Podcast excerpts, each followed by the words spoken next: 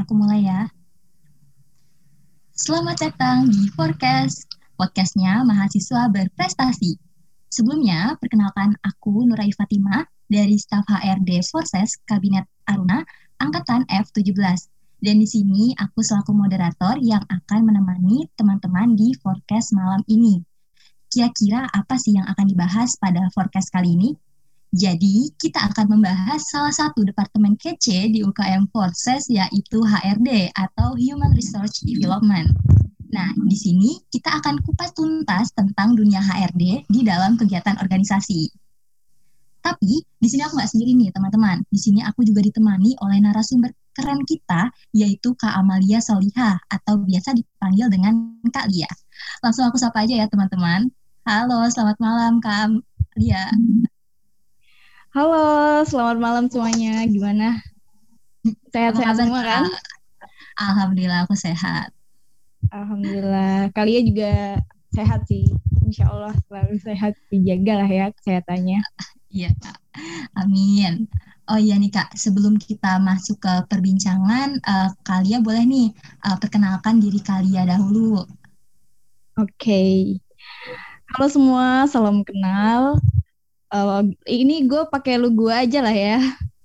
Ya boleh. Gue Amalia Solihah dari F15, biasa dipanggil Lia dari SKPM ya, SKPM IPB dan kebetulan di sini bakal bincang-bincang terkait HR bareng Ayu juga teman-teman Forces.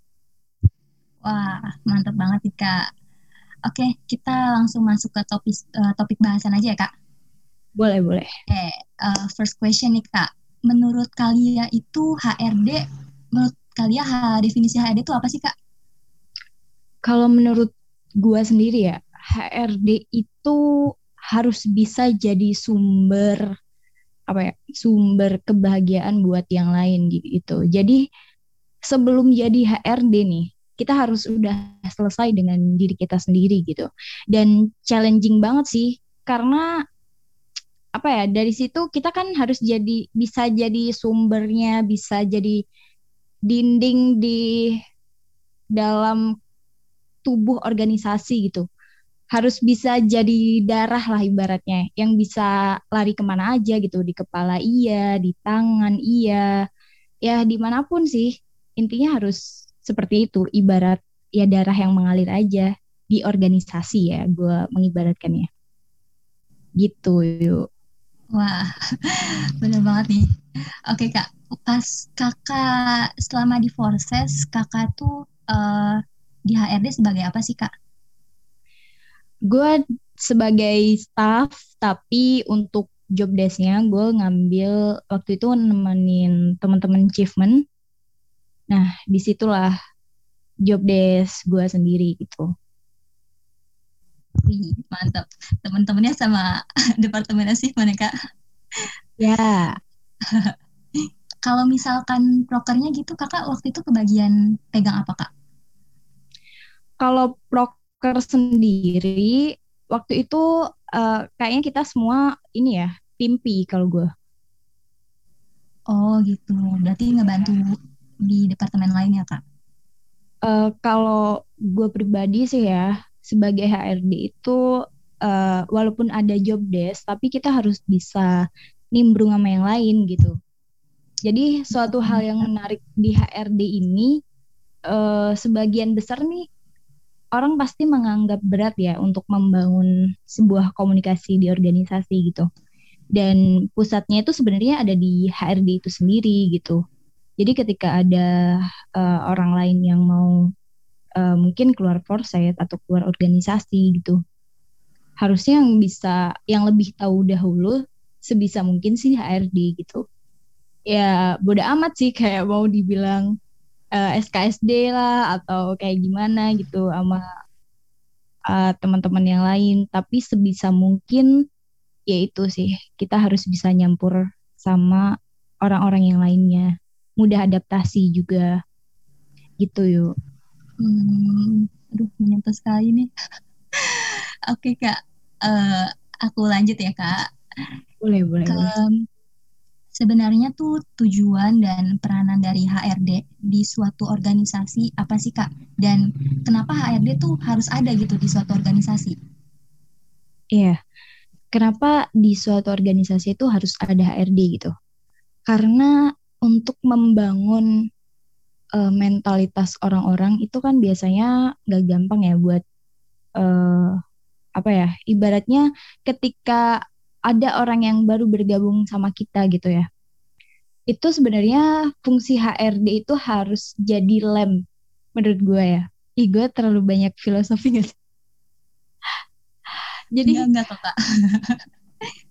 uh, jadi gini, ketika ada orang yang sulit adaptasi, di situlah PR HRD menurut gue. Mengenalkan uh, gimana dia harus berbaur dengan yang lainnya.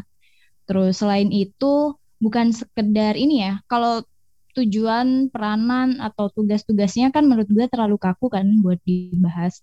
Kalau peranannya sih udah pasti sih di awal rekrutmen. Tapi di sini menurut gue bukan sekedar kita ngerekrut, tapi kita harus bertanggung jawab atas apa yang kita rekrut. Itu uh, poin yang menurut gue harus di highlight sih. Karena uh, sebagian besar orang ya itu dia merasa tertipu ketika uh, apa yang dikatakan di rekrutmen ternyata nggak terbukti di organisasi itu sendiri gitu. Selain orang-orang itu harus survive di organisasi, kita harus ngebantu mereka buat survive gitu. Jadi bukan sekedar apa ya? Oke nih, misal nih ya di uh, awal-awal kan biasanya ayo join forces, benefitnya A, B, C loh gitu. Nah, selain kita ngasih tahu itu, kita juga harus ngebantu mereka buat mencapai si A, B, C itu. Setidaknya kita nemenin lah, nanyain kabarnya, kita care sama orang-orang yang ada di organisasi gitu. Karena hal yang sering banget terjadi di organisasi itu dengan adanya gap-gap, apalagi di forces ya ketika ada ketimpangan misal yang si A B C udah berprestasi si uh, C D E dia tuh masih dalam fase pencarian mungkin ya nah kita harus menemani orang-orang yang seperti itu gitu it's okay bagi mereka-mereka yang udah berprestasi, mereka akan pede dengan sendirinya untuk survive di dalam organisasi. Tapi apa kabar dengan CDE lainnya atau teman-teman lain yang bahkan belum dapat uh, prestasi secara akademik gitu. Tapi gimana caranya kita bikin betah mereka dengan menjadi diri mereka tanpa merubah diri mereka di dalam satu organisasi. Dan tanpa dia ngerasa terpojokkan di dalam forces itu sendiri sih. Karena ini bahas di HRD forces ya. Jadi setiap aturan di HRD itu ya based on uh, organisasi yang dibutuhkan tuh seperti apa gitu gitu yuk aduh. Ya jadi um, kayak emang HRD ini emang berperan penting dalam apa ya menjaga semangat teman-teman juga ya kak dalam ya, survive di dalam organisasi begitu. Ya terutama nah. ini ya gue ngomongin HRD Forces ya. Mungkin kalau di hmm. tempat lain uh, eh, HRD pekerja apa tuh perusahaan juga beda lagi. Fungsi HRD perusahaan mungkin uh, memastikan apakah gaji mereka sudah terpenuhi, apakah sudah sesuai dengan kualitas kerja dan lain sebagainya. Tapi kalau udah di uh, di organisasi di forces itu gap yang terlihat uh, yang paling terlihat itu ketika ada yang berprestasi ter tapi di bawah itu masih ada orang-orang yang uh, proses ya yuk kayak masih bahkan belum tahu gue nih harus lomba apa gitu. Teman-teman gue udah mapres teman-teman gue udah ini nih misal udah juara apa PKM dan lain sebagainya. Tapi ternyata masih ada nih teman-teman yang harus kita tolong gitu kita bantu gitu. Itu kalau di HRD Forces ayo oke kak. Mantap banget nih jawabannya. Oke kak, tadi mungkin ada kaitannya dengan pertanyaan sebelumnya yang kakak boleh, bilang boleh. mungkin ini di UKM Forces gitu ya kak. Nah kalau misalkan menurut kakak nih apa sih perbedaan HRD di organisasi dengan uh, eh, HRD yang ada di perusahaan gitu loh kak? Yang lebih ke arah mulai ke pekerjaan begitu. Hmm bedanya. Kebetulan gue sekarang sudah di uh, tertarik company. Jadi sedikit tahu perbedaan di perusahaan sama di uh, organisasi itu seperti apa. Kalau di perusahaan itu uh, gue termasuk di anak inti perusahaan ya posisi gue sekarang. Jadi gue memastikan uh, seperti MOU perusahaan uh, apa ya orang-orang freelance itu seperti apa gaji mereka pekerjaan mereka uh, tugas-tugas gue tuh memastikan aja apakah uh, checklist dari perusahaan ini sudah sampai ke orang freelance-nya. Kayak gitu sih gue memastikan hal-hal seperti itu lebih ke gaji gitu kan ada laporan-laporannya gitu. Gitu yuk. Lebih profesional lebih, sih. lebih ke arah hak pekerja gitu ya kak ya hak dan kesejahteraan mereka gitu ya. Iya. Lebih karyawan sih. Karyawan ya, freelance. Pekerja sih. Ya benar. Iya. Ya, memastikan mereka itu sejahtera secara ini apa tuh namanya? Secara finansial iya. Selain itu uh, apakah skill mereka udah terasa atau belum gitu? Misal nih uh, kita punya uh, videographer sama fotografer gitu Nah, apakah mereka ini sudah terpenuhi secara manusiawinya? Maksudnya kayak dari segi skillnya, uh, kita biasanya mengadakan pelatihan-pelatihan gitu buat freelance atau karyawan yang ada di perusahaan gua gitu kayak gitu. Nah di HRD organisasi itu juga kayak gitu menurut gue. Cuma bedanya kita memastikan nih apa kebutuhan dari teman-teman organisasi. Misal mereka butuh di apa ya ditambah skill terkait dengan uh, kepemimpinan gitu. Misal di ya kurang lebih gitu sih fungsi dari HRD juga ya. Intinya memanusiakan manusia. Mantap. Banget ya. Manusiakan manusia. Aduh, deep banget, Kak. Aduh. Aduh. Oke. Okay. Uh, eh, lanjut ya, Kak. Boleh, boleh. Oke, okay, Kak. Lia selama menjadi HRD di Forces pengalaman mungkin di luar Forces juga yang kakak rasain gitu. Pengalaman apa sih yang kakak rasakan gitu selama kakak di HRD dalam suatu organisasi? Oke, okay, jadi gue pernah di uh, beberapa organisasi dan gue bagian HRD mulu ya hidup gue ya.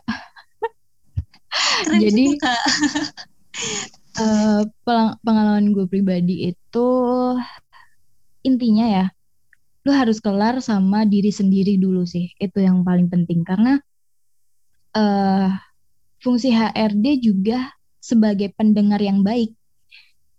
Pendengar itu dalam artian bukan sekedar dengerin doang ya, tapi juga harus tahu apa apa masalah dia gitu. Kurang lebih kayak gitu, tapi bukan untuk mencampuri urusan pribadi ya. Tapi harus tahu uh, kurang lebih gimana sih backgroundnya si A gitu. Uh, kadang sebagai HRD kita nggak bisa ngejudge gini, misal ya, misal ada suatu permasalahan X, kok nih anak keluar sih gitu yang orang lain lihat seperti itu. Tapi sebagai HRD lu nggak bisa kayak gitu.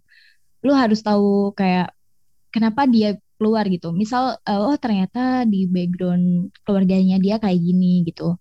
Dia ada masalah akademik, dia ada A B C gitu. Jadi kalau dia keluar menurut gua ada dua hal. Lu boleh menahan itu anak gitu.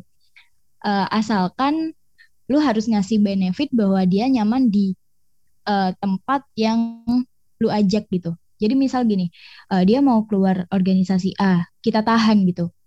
Sebagai HRD menurut gue sih gak boleh kayak gitu, tapi dilihat dulu kenapa dia sampai A, B, C gitu. Ketika lu nggak bisa ngasih kenyamanan si A, ya udah mending dilepaskan aja gitu. Karena kita nggak bisa merubah karakteristik orang dan kita juga nggak bisa uh, apa ya ngasih benefit lebih kepada orang yang mau keluar organisasi gitu. Ada kalanya oke okay lah boleh dilepaskan gitu. Ada kalanya dia masih kita butuhkan gitu. Kalau kita butuhkan berarti kita harus ngasih benefit itu orang gitu. Itu kalau di organisasi masih kayak gitu ya yuk masih ada rasa kasihan mending sini aja lah join dulu gitu tapi kalau udah di perusahaan ketika dia udah nggak ngasih benefit sama sekali pas gitu gitu Ayu Oke. Um, kita lanjut ya kak uh, boleh boleh masalah atau tantangan apa sih yang Alia rasakan selama di HRD gitu yang benar-benar kakak tuh sulit banget gitu dan saat itu juga kakak tuh cara menghadapinya bagaimana kak? Hmm. Sebenarnya kalau di Forces, uh, gue jujur aja ya, gue di Forces juga tipe orang yang pernah hilang-hilangan, pernah ya. Dalam arti tapi gue tetap uh, eh, bertanggung jawab atas yang gue lakukan itu. Itu kalau gue di Forces. Tapi gue pernah di event yang lebih gede lagi dari Forces itu gue nge apa ya ribuan orang sih itu tuh nggak gampang jadi kita harus tahu karakteristik orang-orangnya dulu gitu apalagi sekarang itu kan online ya serba online apa-apa tuh kita harus ngejar komin nanyain kabarnya harus sabar telaten gitulah intinya dan tantangan yang pertama itu harus adaptif secepat mungkin. Itu sih. Dan kalau bisa untuk mengenali uh, seseorang, setidaknya kita tahu sosmednya, kita pernah berinteraksi, baik itu cuma sekedar ya replay story-story dia, walaupun ya cringe sih, kayak ngapain sih lu? gitu. Kalau SKSD gitu, tapi uh, ada kalanya kita butuh banget gitu. Butuh orang-orang itu gitu. Jadi sebisa mungkin sih buat HRD siapa pun itu nanti agak apa ya bahasanya itu merendahkan diri kita dikit gitu. Bukan rendahan ya. Jadi kayak kita tuh harus gimana gimana uh, kak ya kita harus merendahkan diri setidaknya tuh di bawah level dia gitu. Kayak uh, menanyakan kabar gitu ketika dia terjadi masalah ya kadang jangan terlalu memaksakan untuk tahu ada kalanya orang itu bakal cerita dengan sendirinya gitu. Itu sih yang pernah gue alamin. Dan selama di ARD ada beberapa orang yang benar-benar cerita masalah hidupnya bahkan tapi itu tidak terjadi di Forces ya itu di luar Forces. Itu dia cerita masalah hidupnya dan lain sebagainya gitu. Ternyata buat jadi adaptif itu gak semudah itu. Gitu. Yuk jadi tantangannya karakteristik orang dan kita juga harus adaptif gitu. Kita harus kayak menyesuaikan gitu ya kan kak? Ya, karena bener. tipikal orang itu beda-beda gitu pastinya. Iya, sekarang gini deh, misal kayak ada orang yang barbar banget gitu misal. Ya kita sebisa mungkin sih kayak so iya banget aja kayak uh, dikit-dikit eh gimana lu gini-gini nanyain gitu. Sesimpel itu sih, simple ya kalau secara teori. Tapi penerapannya kadang sifat nggak enakan itu yang harus dihapuskan. harus tingkatin humble-nya berarti ini kak iya harus harus sih enjoy terutama enjoy dan Betul. sebisa mungkin uh, gini ya yang terjadi di organisasi mana pun. Ada kalanya seseorang itu dia ngerasa nggak dibutuhkan di dalam organisasi gitu. Harusnya yang meluk pertama itu HRD gitu.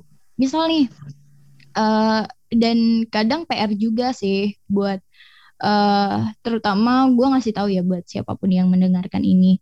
Misal nih lu jadi uh, sosok yang udah pimpinan mungkin atau uh, yang lain gitu. Tolong orang-orang uh, yang jarang dirangkul ini sering-sering diajak ngobrol gitu. Bukan makin dibiarin gitu. Karena ketika orang itu merasa tidak dibutuhkan dia nggak akan menginjakkan di tempat itu gitu. Itu sih PR-nya sebenarnya. Oke oke. Siap kak. um, oke kita lanjut kak. Boleh boleh. Nah untuk pertanyaan selanjutnya, uh, apa aja sih batasan peranan atau wewenang HRD dalam suatu organisasi gitu kak? Dan uh, kayak ini lebih ke arah do's and don'ts-nya gitu kak. Itu menurut kakak tuh apa? Hal yang tidak boleh diikut uh, campuri oleh HRD begitu kak? Kalau secara pribadi yang gak boleh diikut campur itu cuma satu sih kalau menurut gue ya. Uh, keputusan orang. Jadi gini, ketika orang itu sudah memutuskan buat nggak lanjut di suatu organisasi, itu ya udah gitu. Tapi uh, dengan alasan ya pasti sebagian besar orang gak gabung lagi di organisasi. Yang alasan yang udah jelas ya, ini gue pernah baca di psikologi juga, buku psikologi. Kebetulan gue dapet uh, sosiologi psikologi sosial dan dikit-dikit tuh ada teori itu. Ketika orang itu sudah tidak dibutuhkan atau tidak merasakan mendapatkan ruang di suatu tempat, dia akan minggir dengan sendirinya gitu dan teori itu tuh udah jelas gitu.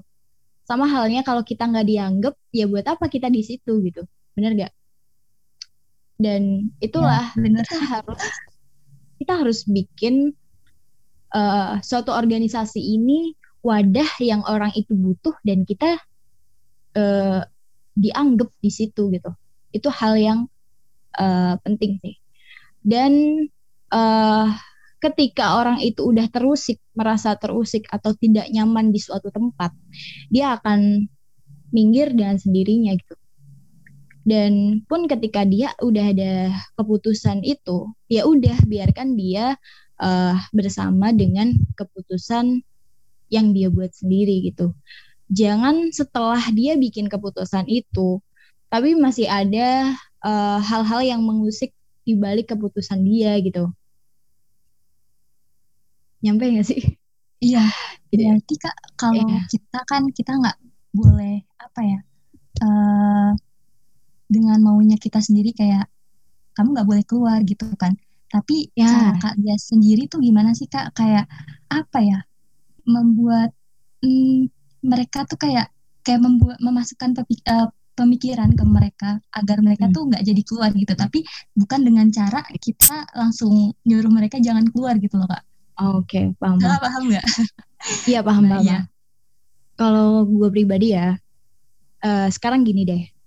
Misal di dalam suatu grup anggap aja lu di grup A grup A gitu ya. Itu lu bersama lima orang. Di dalam suatu grup ada lima orang. Terus lu ada meeting misal, lu ada meeting, tapi yang bisa hadir cuma tiga orang. Nah, abis itu lu bikin instastory kayak gitu ya. Dan lu tuh nggak ngetek dua orang ini. Ini analogi aja ya, analogi. Lu nggak ngetek dua orang ini di dalam instastory. Nah, ini secara tidak langsung lu ngasih tahu kalau lu nggak butuh dia gitu Masuk gak sih analogi gue? Iya, oke. Okay. Lanjut kak. Aku artinya apa? Dengar ini. Oke, okay. artinya apa? Walaupun orang itu tidak hadir, tapi selalu lu anggap hadir, itu sudah memberikan satu ruang bahwa lu masih dibutuhkan loh di di grup A gitu. Kayak gitu. Itu uh, analogi-analogi simple yang gue temuin akhir-akhir ini sih karena orang dianggap ada ya walaupun by sosmed tapi sekarang itu sudah sosmed itu udah masuk di psikolog tiap orang gitu. Misal lu nggak di tag temen lu aja lu kayak ih kok gue nggak di ini sih? gitu. Padahal di real life lu temenan biasa aja gitu. Tapi secara psikologi itu juga mempengaruhi orang buat mengambil keputusan gitu. Untuk dianggap hadir atau eh, dianggap ada itu juga butuh pengakuan. Gitu aja sih sesimpel itu mungkin dengan cara hal yang kecil seperti itu aja juga iya. Iya benar. Kayak gini deh, simpelnya gini. Misal uh, dari lima orang itu kan yang bisa meeting cuma tiga orang nih. Oke, okay, iya, lu bikin instastory, terus yang dua orang tuh lu gambarin gitu, lu lu tag gitu. Itu feelnya bakal beda sama ketika lu nggak ngetag dia sama sekali. Udah ngena belum? Yuk. Iya, aku paham, aku paham. Iya kan? Nah, iya, itu sesimpel itu gitu. Dan hmm. HRD di era online menurut gue itu ya kayak gitu. Di era yang sekarang ya di apalagi, apalagi kalian pembelajarannya juga semua serba online kan? Iya kak. Iya juga nih makanya nah sesimpel itu aja sih. Orang tuh jadi ngerasa oh gue dianggap hadir gitu. Oh gue di, masih dibutuhin tuh di sono gitu orang jadi mikir kayak gitu yuk oke kak aduh makasih banyak nih kak aduh aku udah Emang kerasa sih kak, aku juga ngerasa di posisi itu. oh, iya. Oke, okay, next lah kak. okay. Nih kak, kak, dalam organisasi kan kita biasa untuk berinteraksi ya kak. Nah, ya, bener -bener. biasanya juga suatu interaksi itu uh, bisa mengakibatkan konflik juga nih kadang kak. Nah, mm -mm. Uh, gimana sih uh, peran HRD untuk menyelesaikan perselisihan atau konflik itu kak gitu dalam uh, suatu anggota misalkan yang lagi konflik kak. Nah mm -hmm. atau kakak juga pernah ngerasain pengalaman itu atau gimana kak? Hmm, kalau gue pribadi sih kalau konflik itu kan kadang gini ada konflik uh, antar orang yang kita nggak tahu permasalahannya apa. Intinya uh, mereka saling benci aja gitu misal. Tapi ada suasana yang harus bisa ngebangun semua orang jadi uh, say hello gitu. Jadi misal uh, lu kasih games atau apa gitu yang intinya uh, orang itu jadi mulai say hi gitu. Karena kalau udah ke ranah pribadi itu sebenarnya bukan ranah kita sebagai HRD gitu. Tapi kita sebagai HRD itu sebisa mungkin ngebangun suasana biar mereka itu tetap uh, care each other gitu. Jadi kayak apa ya? Gak gampang sih. Intinya jangan sampai ke ranah pribadi gitu.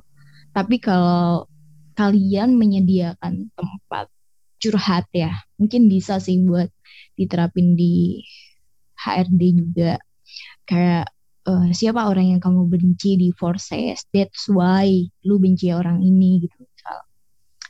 Itu bisa sih lu bikin kayak skreto. Lu tahu skreto gak sih? Iya tahu jadi kayak nah. kita kasih pesan rahasia gitu kan? Iya gitu.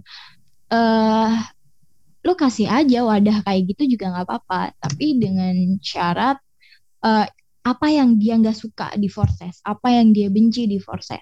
Intinya lu tampung tempat tempat sampah mereka gitu. Karena uh, selain itu suatu hal yang melegakan, tapi uh, kadang bikin PR. Kenapa ini orang kayak gini gitu?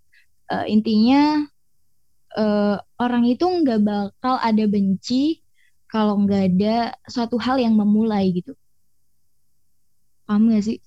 Paham, berarti Gimana? kayak ini lebih mengarahkan konflik kepada lingkungannya sendiri gitu kan Kak? Ya. Nah, Jadi iya. ketika kita tahu kita tahu permasalahannya itu apa, ya setidaknya kita tahu aja gitu. Tapi bukan berarti uh, ya udah sih itu jadi tempat sampah organisasi gitu daripada dia nyampah di tempat lain. Paham gak sih? Iya paham.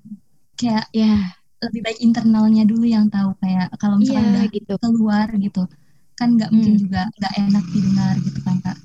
Iya benar benar benar. Iya mencemarkan nama baik juga kan pasti itu. Yes. Itu juga bisa sih kalian teman-teman HRD bikin skreto tapi emang itu khusus buat ya udah tempat sampahnya kalian gitu lu naruh kebencian sesuatu esok aja gitu. Lu luapin di situ gitu. Tapi setelah itu udah terbuang lu harus bikin uh, sesuatu hal yang orang tuh jadi mau nimbrung gitu. Siapa pun itu tuh mau nimbrung dan hmm, mau iya. saling sapa ibaratnya. Tapi kalau online lah mana mana ketahuan. Kalau offline dulu kan bisa dilihat dari sikap dia ke misal dari A sama B lagi ada konflik nih gitu.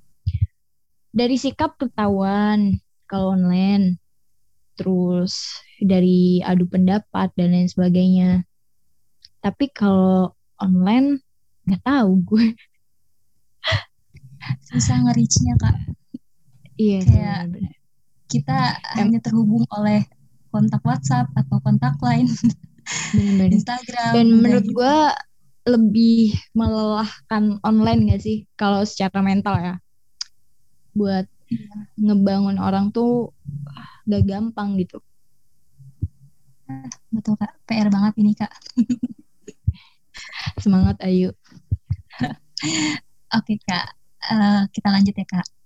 Boleh, Nah. boleh. Kalau misalkan eh, HRD nih, kayak cara bersikap atau berkomunikasinya HRD eh, baik kepada anggota aktif Forces nih misal maupun kepada pimpinan eh, di kepengurusan gitu Kak. Itu Hmm. gimana sih Kak? Kalau di online ya, kalau gue pribadi sih kayak misalnya nih dia posting uh, foto apa gitu, lu nimbrung aja komen di situ gitu. Sesimpel meninggalkan komen-komen gitu atau cuma nimbrung di instastory-nya dia nih misal lu komen apa gitu. Kayak cuma sekedar asik kayak gitu-gitu doang. Itu kayak ngerasa ah ini nih teman forces gue gitu. Ngerti gak sih? Iya itu iya Kak, tuh lu jadi kayak diingat gitu. bener-bener. Itu jadi eh, yang pertama kalian udah mutualan di eh, IG sih.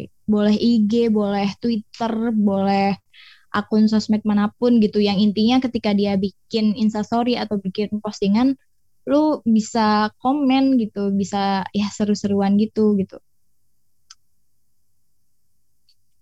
Karena kalau terlalu kalau like doang itu menurut gua kurang ngasih feedback. Tapi kalau kalian udah saling komen tuh eh, setidaknya itu ada indikator bahwa kalian tuh eh, kenal satu sama lain dan care mungkin gitu. Ayo. Mungkin kalau misalkan ke antar departemen gitu Kak, ini bukan ke anggota, kayak Mm-mm. kalian pernah ngerasain nggak mungkin eh, bagaimana berhubungan dengan eh, Komdev atau achievement atau Risedu Hmm. gitu kan mereka kayak basicnya beda-beda gitu ya Kak, gitu. Iya, iya. Nah, gimana eh, sikap atau berinteraksinya gitu Kak? Hmm. Kalau dari gue pribadi sih eh, nimbrung di apa ya? Ya itu tadi gue lebih ke Instagram sama kadang di grup grup WA. Gue kan terlalu banyak grup ya di WA gue ya. Jadi kadang jarang gue buka justru. Tapi kalau di sosmed kayak dia bikin instastory apa ya gue nimbrung komen gitu walaupun sebet, sebatas tahu sebatas kenal gitu kalau antar departemen ya mau nggak mau kita harus coba join ke mereka gitu. Nimbrung apa kayak bahas-bahas apa SKSD di grup ngirim stiker apa gitu. Kayak gitu-gitu kayak menandakan bahwa lu tuh ada gitu. Kak.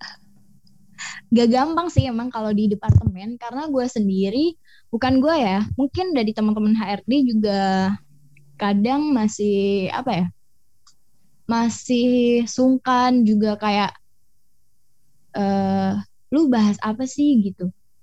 Kadang lu bahas apa sih? Kadang gue ngerasa ketinggalan. Gitu tuh pasti ada kayak gitu masa-masa kayak gitu juga.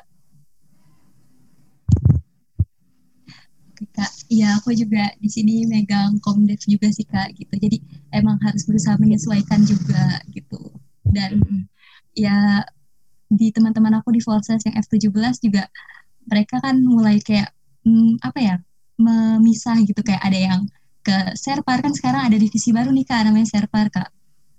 oh Iya. iya Iya, terus kayak ada yang masuk ke achievement gitu. Jadi kayak bahasannya sudah eh, beda-beda gitu dan situ kita harus Hmm. saling mengerti, menyesuaikan kayak memahami gitu loh Kak. Mm-mm. Gini, kalau offline kan enak ya. Kita join di Iya. rapatnya dia, ikutan hahaha terus lu ngejokes apa kayak itu lucu nggak lucu, yang penting ngejokes aja gitu ya. itu enak kalau offline tapi kalau online gini kayak kadang tuh ah lu siapa gitu gak sih kayak secara mentalitas beberapa orang ngerasa kayak ya gitu lu siapa gitu tapi kalau udah sering nongol atau ya udah tanya-tanya aja gitu iya iya kak. Secara teori sih gampang ya cuma nimbrung. Tapi secara apa sih realita kayak re, iya realisasinya lang gitu kak. uh, secara langsungnya itu ih gue gini nggak ya? Pokoknya jangan banyak overthinking dah. Lu nimbrung aja dah kalau online mah. Biarin mereka mau menilai apa deh. Iya terus kalau bisa sih biar feedbacknya kerasa lu mention aja gitu. Misal lu ngerasa ngobrol sama si B gitu lu mention eh iya B hahaha kayak gitu gitu kadang uh, dengan dimensionnya orang tuh kayak oh iya nih si orang ini ada gitu. Eh si ini ada gitu. Gitu aja sih. Ya, gitu aja kak. tapi. Wah ini tips banget ini. Untuk SKSD namanya ya gue nganggepnya gitu sih. Karena gue orangnya kan Bener. gampang sok SKSD tapi teori itu ampuh buat uh, orang jadi mau interaksi sama kita gitu. Tapi uh, ada kalanya ya baca-baca karakter orang aja sih kalau dia tipe-tipe orang yang kadang dikit-dikit bodoh amat ya kita kadang menyesuaikan apa feedback dia. Yang penting lu tetap baik aja dah siap kak. Ya aku catat nih. Oke. Okay, kak. Uh, next ya kak? Boleh boleh, kak, kan salah satu uh, job desk dari HRD selain kayak internalisasi gitu ini kan juga HRD hmm. harus memonitoring uh, seluruh staff gitu di kepengurusan proses kan kak? Dan salah hmm. satunya itu adalah uh, penilaian rapor gitu ya kak? Nah itu tuh hmm. aspek apa aja sih yang dinilai dari HRD kalau gue pribadi ya itu tuh aspek dari kayak seberapa sering dia uh, berpendapat apalagi online ya ini gue ngebicarain online karena kalian online kan kayak iya, uh, berargumen itu seberapa sering dan berkualitas argumennya dia gitu. Yang penting kehadiran sih. Kalau dia udah hadir, ya menurut gue itu udah cukup dan lebih lebih keren lagi kalau dia hadir berargumen dan uh, punya hal-hal yang inisiatif yang apa ya secara apa ya kehadiran dia tuh kayak berbobot gitu loh apa pun yang dia katakan gitu kayak seru aja sih. Dan sebenarnya jangan dibikin ini ya kaku gitu jangan dibikin kaku gitu. Karena kadang uh, ide itu munculnya dari candaan-candaan gitu dan gue nilainya dari situ sih selama dia ya dia sering muncul di grup dan itu nimbrungnya hal-hal yang berkualitas gitu-gitu ya udah cukup Iya, apalagi gimana ya kak? Mungkin sekarang kan rapat online ya kak. Uh, bahkan kayak orang datang terus sekedar mute gitu. Itu udah nah, jadi aspek nilai kehadiran lagi gitu kan? Iya, mohon maaf kalau mute doang, tapi dia jarang berargumen, dia jarang apa ya definisi hadir itu kan secara jiwanya dia jiwa raga utuh gitu utuh ada di room zoom gitu. Kayak gue nih gue ngobrol sama lu gue utuh gini gue ngobrol ini ini definisi hadir tuh kayak gini. Tapi kalau cuma hadir buat login doang mohon maaf nih login doang tutup kamera iya itu tidur. mah hmm, siapa tuh Aduh. Siapa tuh yuk? Aduh, nggak bisa menebak ini kak. Kita tidak boleh net netting kak. Oke, oke. Aduh, oke okay, siap kak. Oke kak, kita lanjut ya kak. Nah, boleh, boleh. sekarang ini lebih ke hubungan dengan HRD nih kak. Eh, maksud aku BPH. Taruh sebentar kak.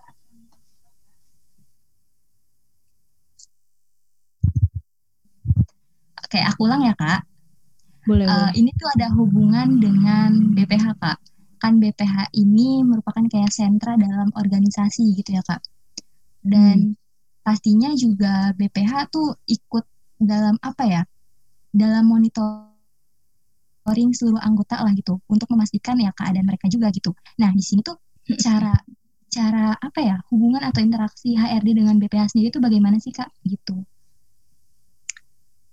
Kalau hubungan HRD sama BPH santai aja sih kayak uh, menurut gue sih itu dengan adanya BPH dia ngebantu HRD harusnya ya harusnya kayak gitu dan sebisa mungkin apa ya mereka tuh ngebantu kita buat nge-reach orang-orang yang uh, ngerasa tersudutkan atau kayak gitu sih kalau gue sendiri ya.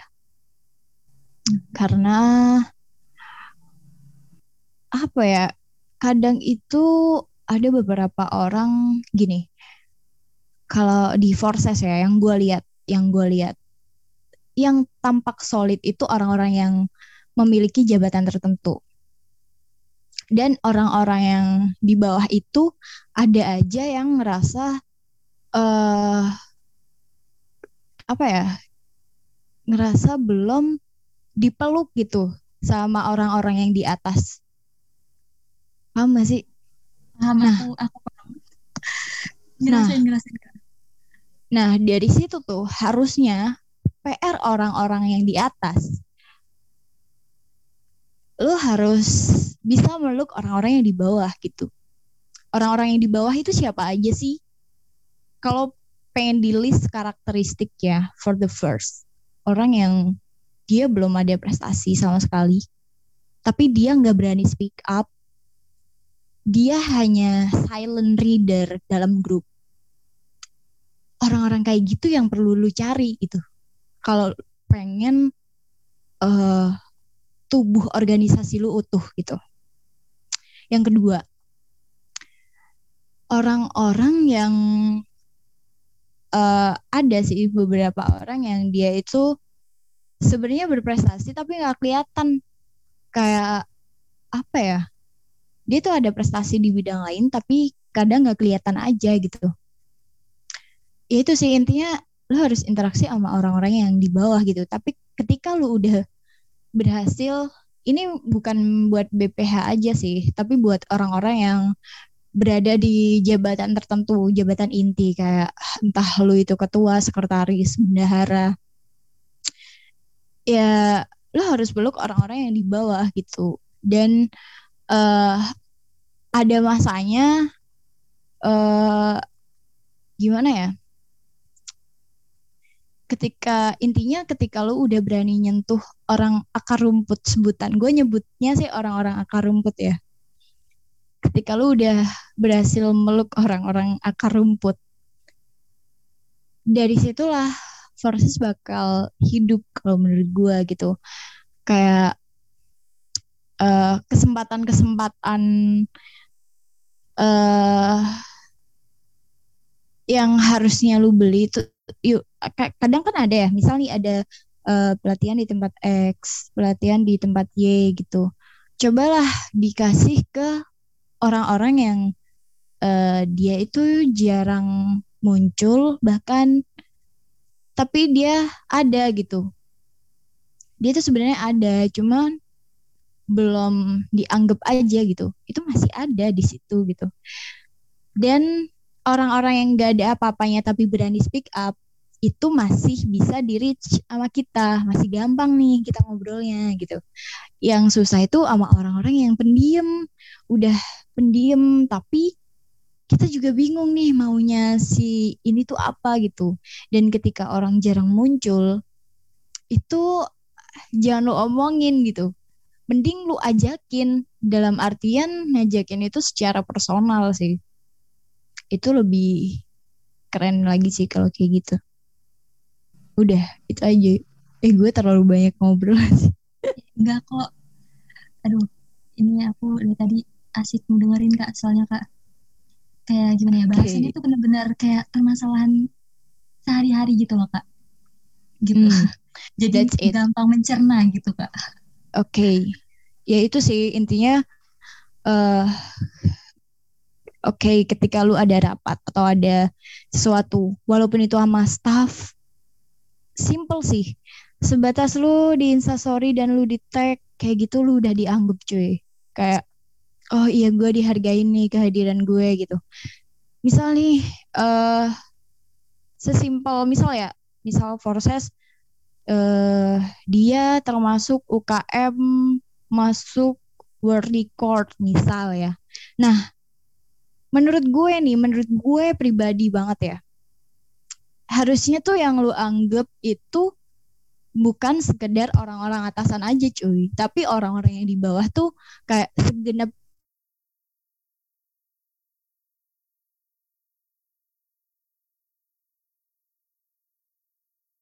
uh, kawan-kawan forces lainnya dan lain sebagainya atas lalala gitu. Bukan di orang-orang tertentu aja gitu. Dan dengan dianggapnya orang dalam sebuah pencapaian dalam organisasi lu keren lu menghargai orang-orang yang di bawah gitu. Itu sih menurut gue.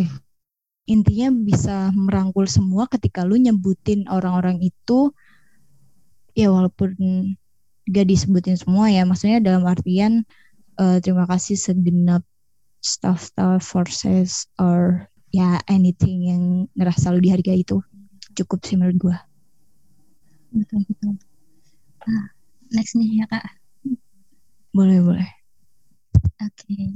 um, kan tadi mungkin kalian menyebutkan banyak ya ini banyak sih menurut aku hambatan gitu atau kendala dari um, dari HRD gitu. Nah, ketika kita menjalankan kayak tugas kita gitu. Nah, yang menjadi tolak ukur atau indikator keberhasilan HRD dalam uh, dalam apa ya? Dalam organisasi itu apa sih Kak gitu. Jadi kayak keberhasilan merasa kita nih uh, iya keberhasilan kayak mungkin kayak tadi kita nge-reach gitu. Tapi ternyata mm -hmm. eh dan ternyata ya dia beneran uh, merasa terangkul kembali gitu atau mungkin hal lainnya gitu kak hmm, kayak gini, yang merasa kalau gue pribadi ya gitu. gue selama di forces itu gue masih kontak sama lima orang yang dulu orang forces tapi udah nggak forces lagi. Kayak gimana ya? Ada juga yang dia sebenarnya masih forces cuma ya ngilang aja gitu. Dan apa ya? Keberhasilan gue pribadi ya secara pribadi ya. Uh, ketika lu masih kontak sama orang-orang itu gitu. Kayak ada sih teman gue yang F15 dia udah keluar forces dan lu masih kontak sama orang itu. Dan lu mengingat satu organisasi yaitu forces gitu. Berarti gak sih? Nah, ngerti ngerti. Iya misal nih kayak eh ini nih teman perjuangan forces gue gitu. Gue bilang gitu aja tuh dia kayak eh iya ya dulu kita versus kayak gini gitu. Kayak kalau zaman dulu kan minta foto kan minta foto per satu satu orang gitu kan. Iya. Iya dari situ kan gue kenal dia pertama kali di Forces gitu. Dari situ tuh dia eh iya li. Lu masih aja ya di Forces kayak gitu gitu itu tuh udah cukup dan apa ya intinya ketika lu bisa tetap kontak sama orang-orang yang di situ sampai sekarang silaturahmi kejaga menurut gue cukup gitu. Dan jangan sampai ada jangan sampai ada lagi orang-orang yang merasa tersudutkan di sini gitu ya. I know di sini tuh tempat orang-orang buat berproses secara akademik. Kalau lu uh, apa sih teori menurut gue ya teori yang harus ditaruh di forces itu lu adaptif it's okay. Tapi terkadang untuk memaksakan diri tuh nggak harus gitu. Kayak be yourself tapi lu tetap prestasi di bidang lu sendiri gitu. Kayak jangan terlalu memaksakan juga dan lu boleh memaksakan diri dan memantaskan diri di sini juga boleh gitu. Tapi ketika lu merasa tertinggal ya lu jangan menyalahkan diri sendiri dan lu jangan ngerasa bahwa lu seorang diri di forces gitu. Itu sih buat temen-temen Oke, aduh, jadi kayak intinya tuh jadi diri sendiri aja ya kak. Yes. Tapi boleh memaksakan diri juga boleh. Memaksakan dong.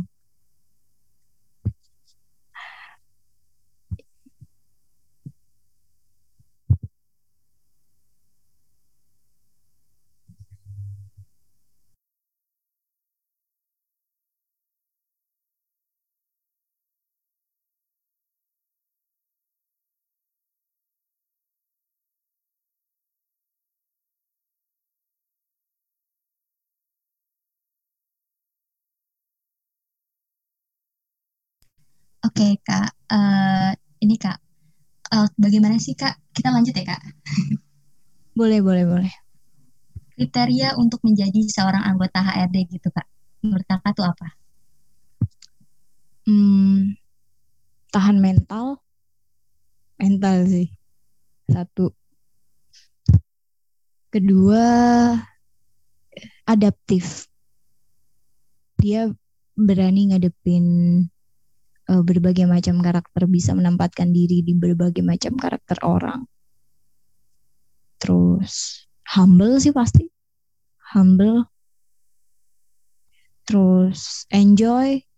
Gitu sih. Santai-santai aja jangan yang terlalu kaku. Gitu yuk. Oke deh kak. Berarti kayak emang harus apa ya? Friendly lah sama siapa aja gitu ya kak Ah, itu tuh. Oke, okay. uh, eh, last question nih kak. Dan ini benar ya, meminta uh, apa ya kata-kata yang menyentuh dari kakak.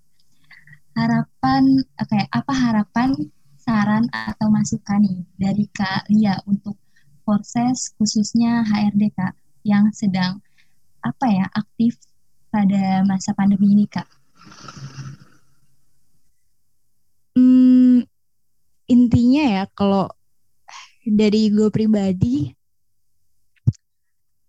apa pun itu masalahnya pokoknya lu tuh harus nyalakan lilin gitu. Jangan mengutuk kegelapan. Anjay so iya banget ya gue. Tapi itu sih. Ya jangan mengutuk kegelapan menurut gue. Jadi ketika lu ada masalah kayak sebenarnya tuh bukan masalahnya tapi uh, gimana lu kuat ngadepin itu gitu. Intinya itu sih. Jangan kayak gue karena gue tuh sebenarnya banyak kurangnya juga di Forces.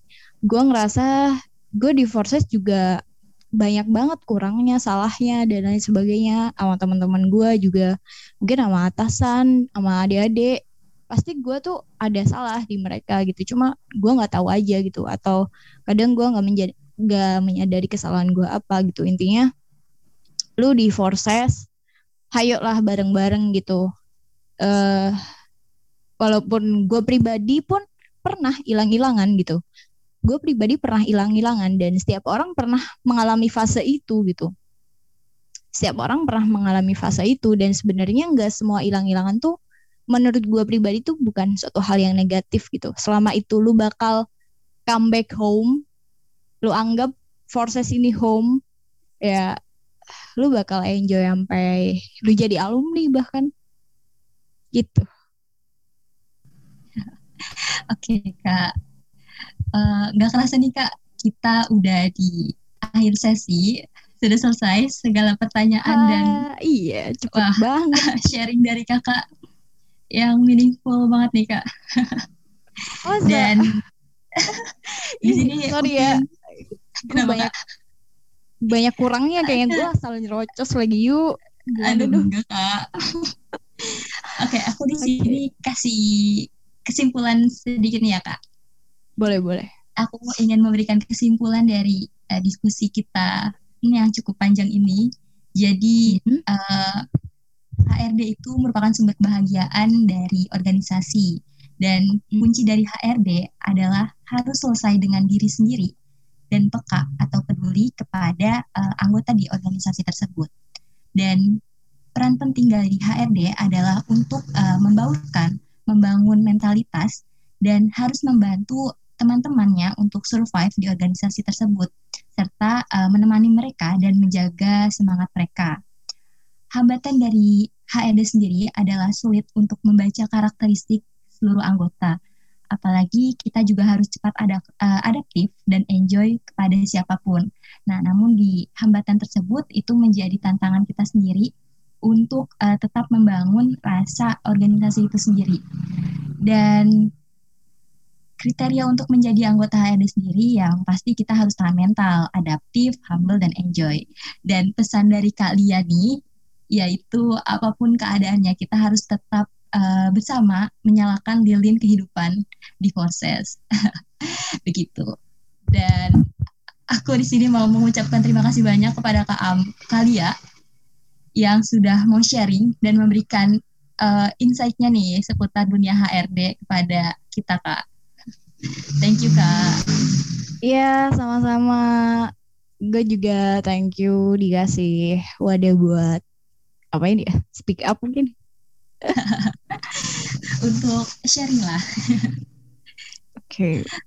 Gue juga makasih kembali dan maaf nih kalau gue masih banyak salah kata ataupun ya kata-kata yang mungkin agak sedikit menusuk atau gimana gitu.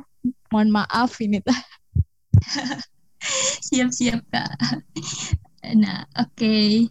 Uh, eh, teman-teman, uh, semoga perbincangan dan insight dari kalian ini bisa menambah wawasan uh, untuk teman-teman bagi di organisasi maupun kehidupan uh, pribadinya dan khususnya di bidang HRD ya teman-teman. Semoga harapan dan segala masukan dari Kak Lia untuk kepengurusan proses ini bisa menjadi evaluasi ke depannya. Oke, okay, uh, di sini aku dan Kalia mohon pamit undur diri. Mohon maaf apabila uh, selama perbincangan ini terdapat banyak kata yang kurang berkenan. Uh, selamat malam.